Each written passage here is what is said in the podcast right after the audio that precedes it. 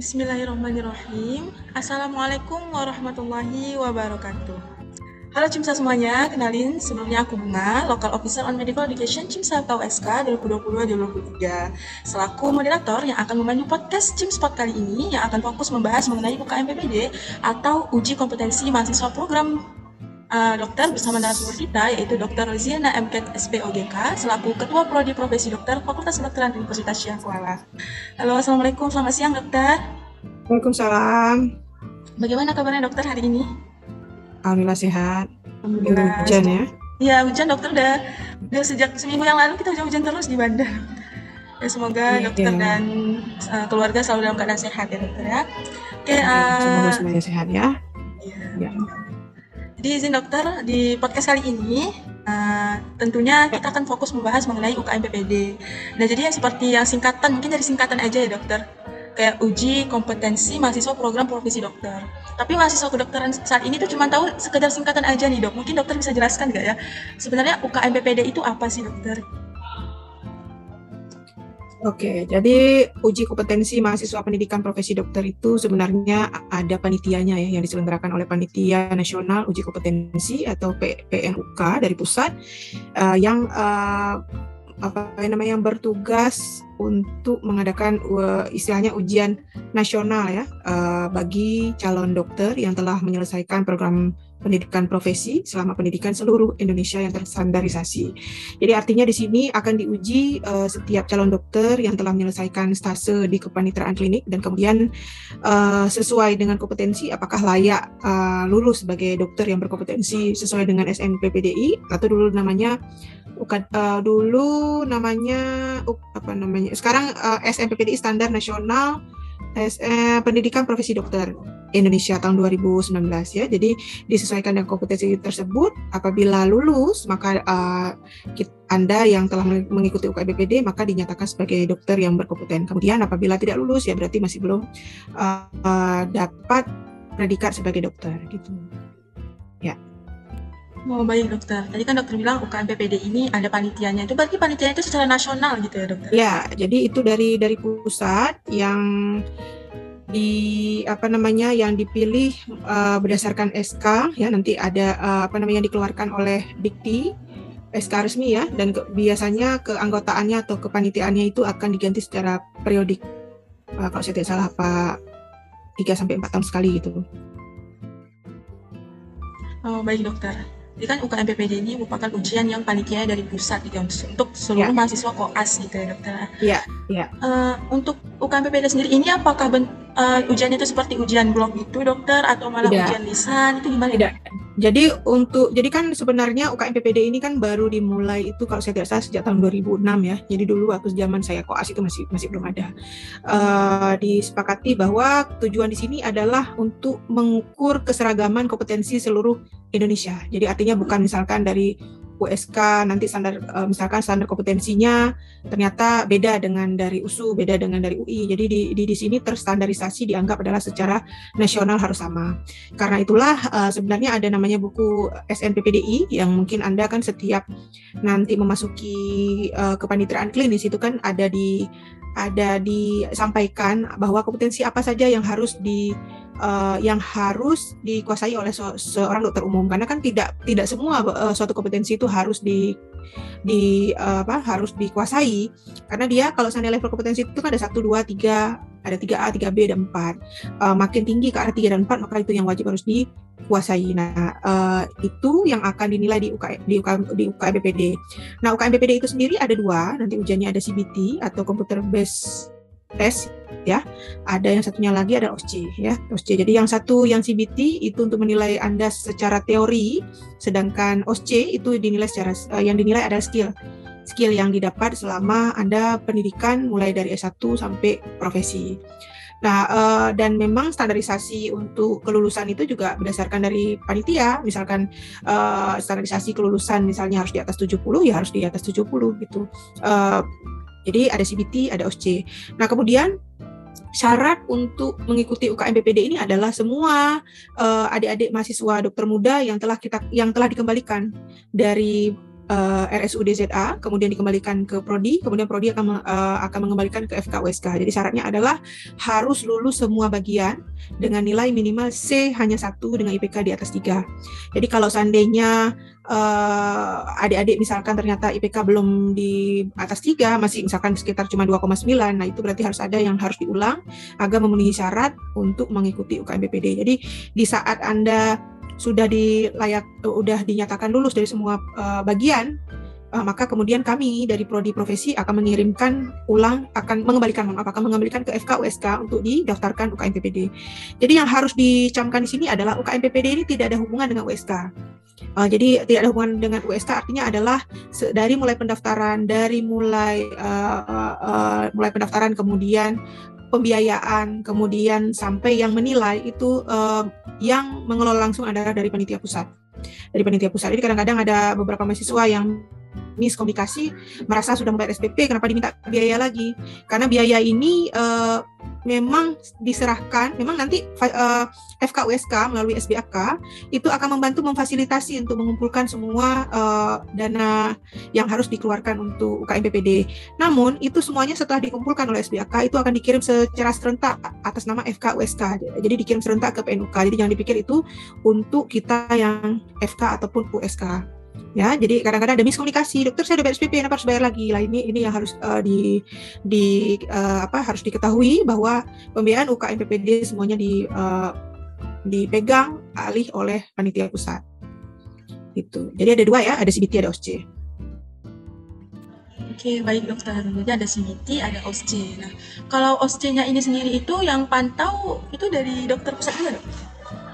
Iya, jadi uh, saya ini kan dulu sekarang yang pasti kan ada dua ya ujian ada CBT ada OSCE ya, dan ada beberapa perubahan uh, yang berbeda sedikit dengan ujian-ujian sebelumnya di UKM PPD. Nah OSCE, OSCE itu uh, yang berarti kan kayak OSCE anda reguler selama di skill lab sebenarnya. Cuman di sini dikondisikan sesuai dengan kasus yang diminta oleh PNUK.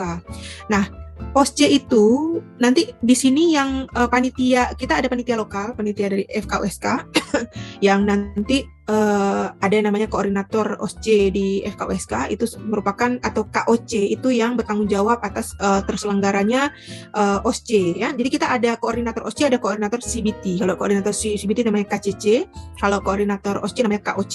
Nah, itu biasanya akan dipilih berdasarkan SK dari dekan ya secara periodik ya.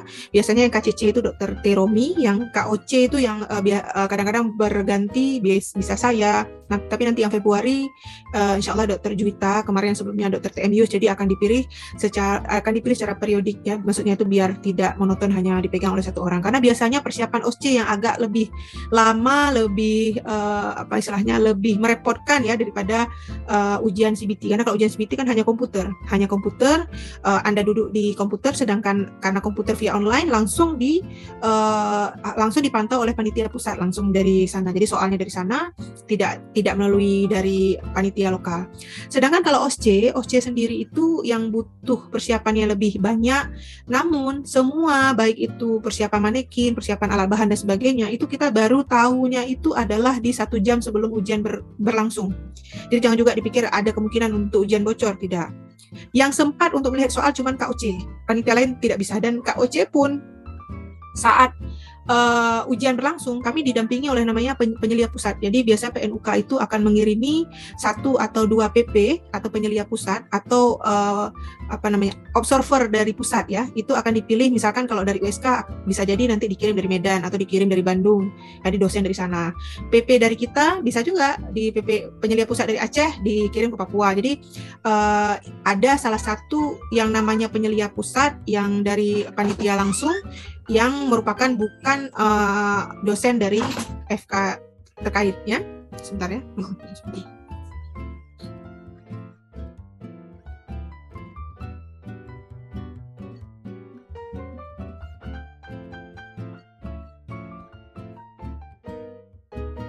Jadi ada yang ya jadi ada penyelia pusat ya seperti saya bilang tadi itu merupakan uh, pengawas ya dari dari yang dikirim oleh panitia nasional pusat atau dari PNUK uh, eh, bisa bisa satu bisa dua. Nah itu sangat sangat apa istilahnya PP itu kan karena punya tanggung jawab ya dari langsung dari pusat. Biasanya itu dari H-1 akan memantau setiap ruangan CCTV harus dimatikan kemudian alat bahan diyakini semuanya lengkap sampai uh, yang tidak sesuai dengan uh, petunjuk yang diminta oleh PNUK maka tidak boleh ada di meja Anda nantinya. Jadi memang benar-benar akan di akan dipantau agar tidak uh, tersusupi dengan kecurangan.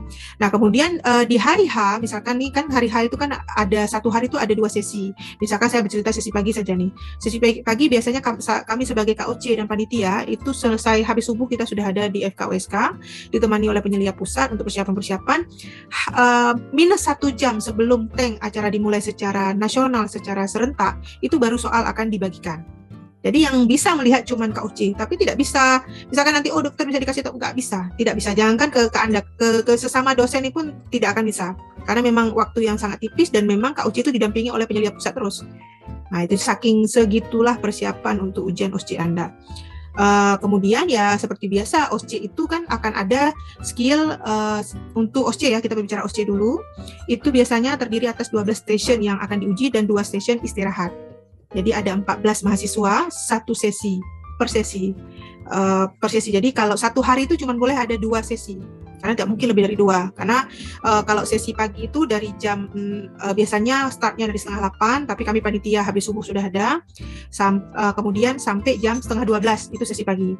Untuk sesi siang itu biasanya mulainya dari habis zuhur setengah dua uh, atau jam satu lewat. Karena itu kan harus disesuaikan dengan uh, nasional ya harus serentak kita masih enak WIP waktu Indonesia Barat jadi akan bersamaan dengan Jakarta Bandung dan sebagainya. Tapi untuk yang kayak Papua dan sebagainya biasanya satu jam akan terasa lebih cepat daripada kita. Artinya kalau mulai setengah delapan di sana ya kayak setengah tujuh gitu ya jadi itu memang uh, sangat uh, ketat sekali sangat strict sekali.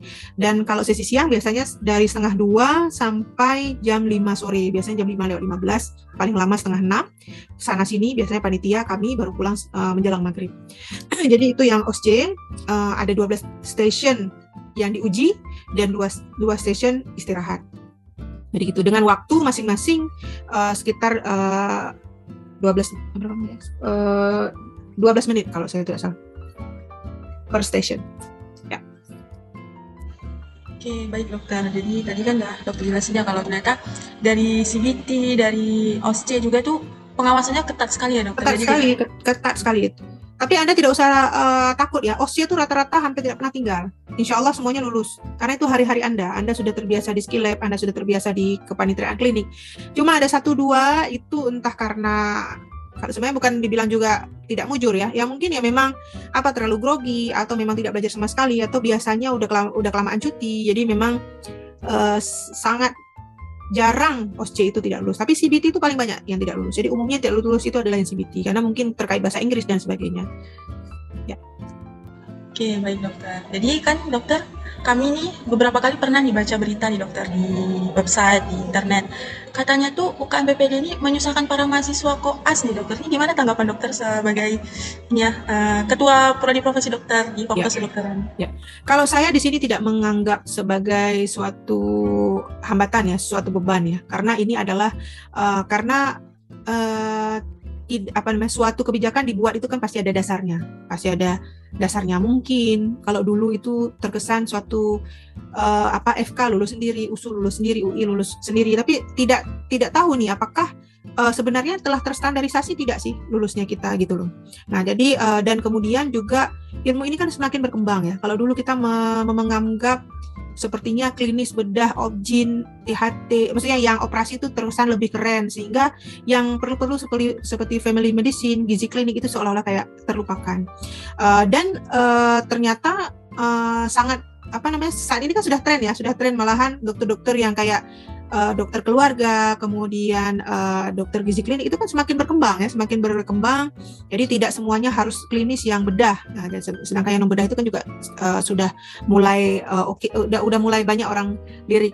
Nah itu pula yang mengakibatkan uh, apa namanya dan ternyata uh, pada saat disusun uh, suatu standar kompetensi itu sebenarnya dokter umum itu tidak harus menguasai yang seperti yang dulu-dulu yang pikir itu harus bisa operasi harus betul itu kan ada ada lagi sebenarnya untuk selanjutnya. Kalau anda ingin sekolah spesialis nah kan misalkan yang terkait kepengen saya suka yang operasi-operasi oke okay, silakan masuk yang bedah atau objin.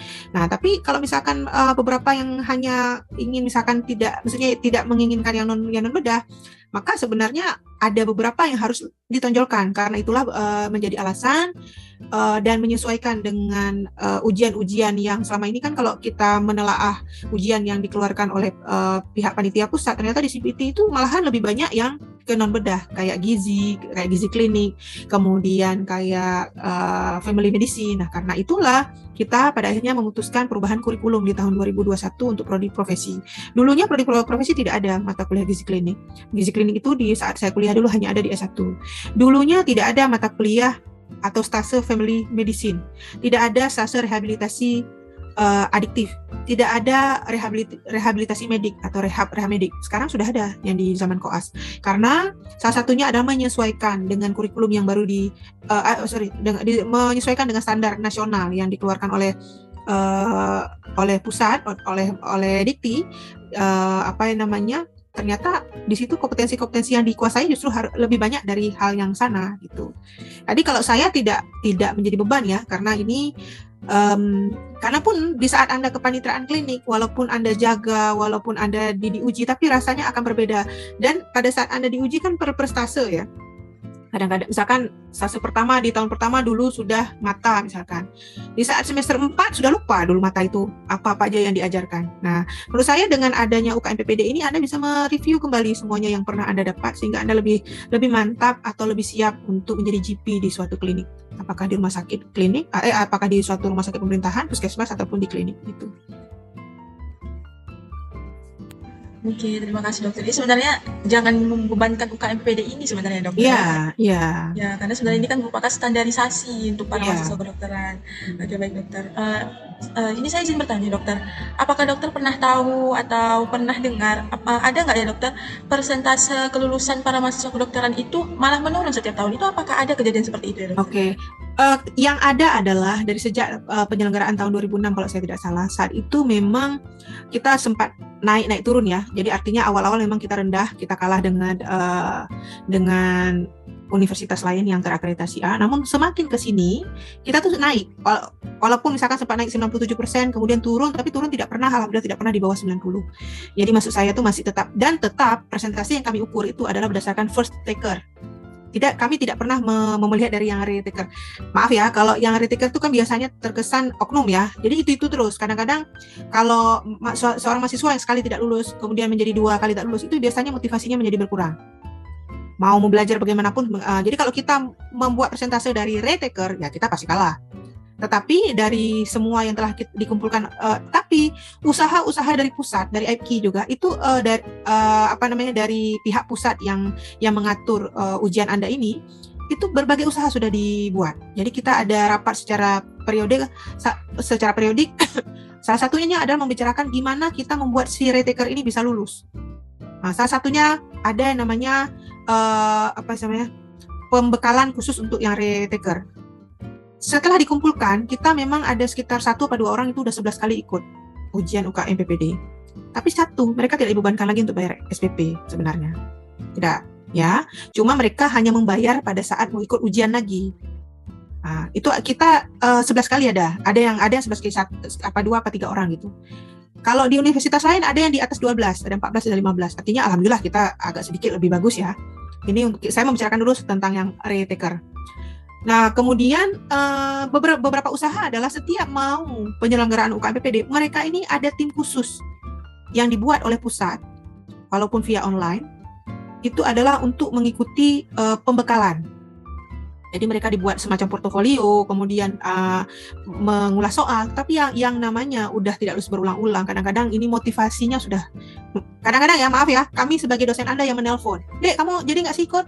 Dek kamu ada nggak ikut? Jadi ujungnya ini yang perlu siapa? Jadi kalau pas online nanti uh, biasanya ITK itu perwakilan dari kita itu maksudnya itu yang mengelola ujian untuk retaker itu ada penanggung jawabnya dari FKUSK itu adalah Dr. Rima, Dr. Rima Novirianti. Mantan kaprodi S1. Beliau malahan yang membawahi uh, untuk yang wilayah satu. Wilayah satu tuh di daerah Sumatera. Jadi beliau yang tahu informasi satu Sumatera ini mulai dari USK, uh, USU, UNAN itu tahu siapa yang lulus, siapa yang tidak lulus. Nah, pada saat uh, dilakukan pembekalan itu dokter Rima tuh sampai berkali-kali membuat grup pas tahu ternyata salah satu si A tidak masuk online tidak masuk dalam pembekalan malah ditelepon kamu ke mana adik kamu ke mana nah ini kan sebenarnya kadang-kadang kita serba salah. Padahal kami salah satunya adalah uh, ayo dong ikut kok bisa kamu lulus dong sekarang. Jangan sampai membuat kita tuh rempong lagi untuk yang ke depan untuk membuat pembekalan lagi gitu. Tapi ya kita juga tidak menyalahkan ya namanya mungkin dia udah hopeless atau apa mungkin uh, karena ada beberapa yang kakak-kakak senior Anda itu uh, dulunya sebenarnya beliau tidak masuk dalam kategori grup masuk UKM PPD tetapi karena koasnya kelamaan selesai mungkin cuti dan sebagainya sehingga harus masuk di uh, program UKM PPD gitu ya itu misalnya ada peralihan ya uh, tahun angkatan saat dia masuk dan saat dia keluar. Nah kemudian jadi saya ulang lagi yang kita ikut hitung persentase kan berarti tetap first taker ya yang sekali yang yang ikut pertama dan lulus. Alhamdulillah kita selama makin ke sini tuh ya bagus-bagus. Maksud saya pernah malahan sekitar satu setengah tahun yang lalu kakak senior anda itu menjadi juara utama apa juara umum senasional untuk ujian yang CBT. Artinya juga, ya cukup membanggakan. Artinya lagi bahwa sebenarnya FKUSK ini sudah mengajarkan anda, udah dan uh, dan anda juga sudah uh, berusaha ya. Artinya sebenarnya bisa. Jadi FKUSK ini oke-oke dah. Uh, uh, mahasiswanya terbukti pernah menang. Tetapi kenapa ada yang tidak lulus ya? Berarti ya itu kita kembalikan lagi ya mungkin ya yang namanya oknum itu berarti kan ada patologis satu atau dua di antara beberapa gitu. Atau mungkin bukan soal patologisnya mungkin saat itu mungkin dia ada terkendala tiba-tiba harus cuti tiba-tiba harus sakit. Karena itulah juga biasanya persiapan UKM PPD ini sering saya sampaikan di saat pembekalan jagalah kesehatan. Kalau mau belajar tuh bukan di malam hari H. Nah, jadi kadang-kadang jangan sampai ada beberapa kalau udah panik hilang semua Nah, itu karena karena itulah sebenarnya belajarnya dia pada saat Anda koas itu, pada saat Anda koas. Kemudian juga salah satu juga yang digagasi di FKWSK perubahan kurikulum yang baru ini adalah itu ada stase ro, rotasi komprehensif yang dulunya tidak pernah ada. Rotasi kopre, eh, rotasi komprehensif ini uh, akan dilaksanakan itu di penghujung kurikulum. Jadi menjelang Anda UKM PPD di situ mencakup stase IGD sebagai dokter jaga em emergensi, kemudian ada persiapan ujian UKM PPD baik itu CBT maupun OSCE. Jadi itu salah satu yang diselenggarakan uh, upaya dari FKUSK untuk membantu Anda juga persiapan UKM PPD. Dan sekarang pun sudah banyak ya les-les ya untuk UKM PPD udah ada bukunya dan sebagainya. Ya, jadi intinya sebenarnya trennya adalah bagus. Walaupun sempat misalkan uh, bulan Februari misalkan sempat Anda lulusnya 97%, di Mei menjadi 94. Nah gitu. Jadi insya Allah tidak pernah di bawah 80. Eh di, di bawah 90. Ya. Oke. Okay. Alhamdulillah ya dokter ya. ya. ya walaupun turun nggak yang turun sampai di bawah 90 lah ya dok? tidak tidak tidak uh, ini suatu pencapaian yang cukup besar ya untuk Universitas Alhamdulillah. Alhamdulillah bagus. Ya itulah pernah juga juara satu ya, pernah juara satu baru satu kali, tapi juara dua atau juara tiga adalah be beberapa kali. Kalau untuk OSCE, insya Allah hampir setiap saya 100% lulus ujiannya. Kalau kita lihat dari first taker ya, saya tidak pernah mau melihat, eh, tidak pernah membagi lagi untuk yang retaker itu beda. Retaker kita bagi presentasi ke sesama retaker sendiri. Oke, okay, ya. Oke, baik dokter. Ini mungkin masih sama tentang tanggapan dokter ya. Apakah menurut dokter ada nggak ya hubungan mahasiswa yang lulus UKM PPD dengan sistem kurikulum yang berjalan di universitas tempat menempuh pendidikan sebelumnya nih dokter? Mungkin kayak perbandingan-perbandingan dengan universitas-universitas lain yang mungkin sistem kurikulumnya berbeda. Ini ada nggak ya hubungannya sama mahasiswa yang lulus UKM PPD dok? Oke, okay. kalau sistem kurikulum sekarang hampir seluruh Indonesia hampir sama ya, hampir sama karena kita uh, juga merunut seperti saya bilang tadi, tadi dari SNPPDI ya, Standar Nasional Pendidikan Profesi Dokter. Artinya pembuatan kurikulum itu tidak tidak melenceng dari dari itu. Cuman mungkin sistemnya saja, sistemnya saja ada yang uh, mungkin ada kalau kalau kita kan uh, sistemnya PBL ya, problem based learning. Ada beberapa yang tipe uh, tipe A di Jawa memakai sistem hybrid. Nah, paling sistem saja. Tetapi kalau secara secara kalau dibilang kurikulum itu uh, semuanya sama dan menurut saya tidak ada anu ya karena ya buktinya kita juga tidak tidak kalah tidak kalah bagusnya dengan uh, yang bergensi tipe A yang lain gitu. Jadi alhamdulillah misalkan nanti diumumkan ya alhamdulillah kita tidak sampai uh, persentase yang tidak lulusnya itu lebih banyak daripada yang universitas yang bergensi lainnya tet tetap sama gitu. Oh baik dokter. Berarti secara kalau hubungan langsung tuh nggak ada ya dokter ya, sama aja sebenarnya. ada. Ya. Oke, mungkin ini pertanyaan yang terakhir nih dokter. Uh, pesan dan hal-hal yang harus dipersiapkan untuk mahasiswa kedokteran baik yang preklinik atau mungkin lagi koas untuk persiapan UKM nantinya. Oke, jadi saya uh, sekedar informasi lagi, UKM itu penyelenggaraannya adalah empat kali dalam satu tahun ya. Februari, Mei, Agustus, dan November. Siapa yang menetapkan dari pusat? Jadi uh, kami dari FK di USK tersendiri tidak bisa mencampur adukkan misalkan Uh, padahal kita PSPP paling telat sebulan ini loh dok. Kenapa UKM PPD bilang itu itu yang kadang-kadang kami tidak bisa tidak bisa gimana ya. Beberapa kali kita mencoba menyesuaikan uh, kita melayangkan surat ke rektorat. Tolong dong untuk FKUSK agak diberikan perbedaan sedikit dengan mata dengan uh, universitas eh dengan fakultas-fakultas yang berbasis konvensional. Kenapa? Karena kita ada UKM PPD. Misalnya nih yang paling tidak enak itu adalah misal apa ya? Pasien eh si mahasiswa udah selesai dari bulan Mei misalnya. Sedangkan dia harus bayar SPP lagi bulan 8 misalnya. Nah, dia belum bisa buka MPP di bulan Mei walaupun dia udah selesai Mei. Dia harus uh, harus buka MPP di bulan 8. Secara tidak langsung dia harus bayar SPP lagi kan bulan 8 berarti dia sudah tidak koas. Nah, itu yang setiap hari masalahnya adalah itu itu terus. Kita udah coba uh, melayangkan surat dari dari dekan ke ke rektorat tapi berbalik lagi yang namanya sistem kita masih di bawah naungannya USK itu yang uh, kadang-kadang ya akhirnya kita tidak bisa berbuat apa-apa. Uh, walaupun terkesan kami udah bayar SPP kami bayar SPP jadi untuk apa? Nah kalau seperti itu saya tidak bisa menjawab ya karena saya kapasitas hanya sebagai ketua program studi ya paling kita libatkan kita cari jalan sama-sama antara dekan dan uh, rektorat ya. Nah uh, saran saya pesan saya ini kan kita anda nanti uh, di saat memasuki klinis dari preklinik menuju ke, ke ke klinik itu kan akan dipersiapkan oleh prodi profesi stase masing-masing. Stase ya. Stase itu kita upayakan stase alhamdulillah ya saat ini koas koas Anda yang menjalani kepanitiaan klinik di FKWSK itu jauh lebih baik daripada koas saya dulu. Saya dulu koas ya. Bisa kalau misalkan saya baru saya obji nih tiba-tiba saya harus masuk bedah. Ternyata di bedah udah ada kakak senior saya misalkan udah ada 10 bedah itu tidak bisa lebih dari 10 misalnya. Saya tidak bisa masuk mana-mana. Harus tunggu tiga bulan baru saya bisa masuk saking tidak tersistemnya dulu. Nah sekarang kan udah di, udah diupayakan dari semenjak anda udah lulus sebagai preklinik menuju klinis itu anda langsung dibagi kelompok. Dibagi kelompok nanti akan ke sini akan ke sini ke sini secara otomatis dan diupayakan anda hanya mempunyai spacing atau libur dua minggu saja dari seluruh aktivitas kepaniteraan klinis selama dua tahun. Nah jadi saran saya kalau bisa ya lulus semua. Saya tidak stase lulus, setiap lulus saya lulus. Karena apa? Kalau sekali aja tidak lulus, itu Anda tidak bisa mengulang langsung. Anda cuma bisa mengulang di akhir periode setelah Anda menjalani semua kepaniteraan klinik. Nah, jadi misalnya nih, misal kadarullah di, di tahap satu Anda tidak lulus di kulit misalnya, misal. Uh, itu Anda tidak bisa mengulang di situ. Uh, apa fase Anda berikutnya itu sesuai yang udah dibagi, misalkan dari kulit ke mata ya, masuk mata dulu. Karena itu tahap satu, kan ada empat tahap untuk koas. Selesai tahap keempat, baru Anda boleh mengulang kulit. Atau kalau seandainya ada waktu spacingnya dua minggu tadi pas kena di spacing, Anda coba negosiasi sama dokter kulit apakah bisa mengulang. Karena apa? Sekali Anda tidak lewat, ada lagi tidak lewat, ada tidak lewat. Jadi jatah UKM PPD Anda semakin bergeser. Padahal kan yang tadinya nih, misalnya Anda masuk di Februari 2023 koas. Dari yang kita susun oleh Prodi, misalnya Anda baru bis, uh, selesainya misalnya ya Januari 2025 misalnya.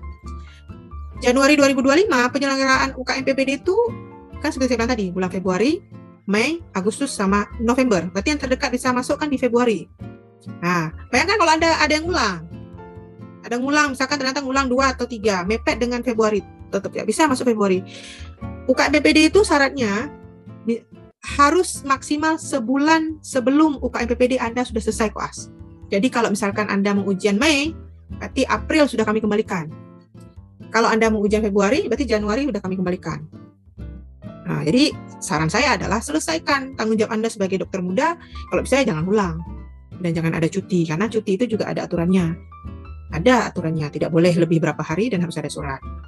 Nah, jadi kita uh, sangat jelas ya, apa pun itu ada di panduan akademik, ada di kurikulum dan pada saat Anda masuk ke, ke profesi setiap bagian Anda ada kontrak kuliah. Jadi semuanya akan di, akan dijelaskan secara rinci.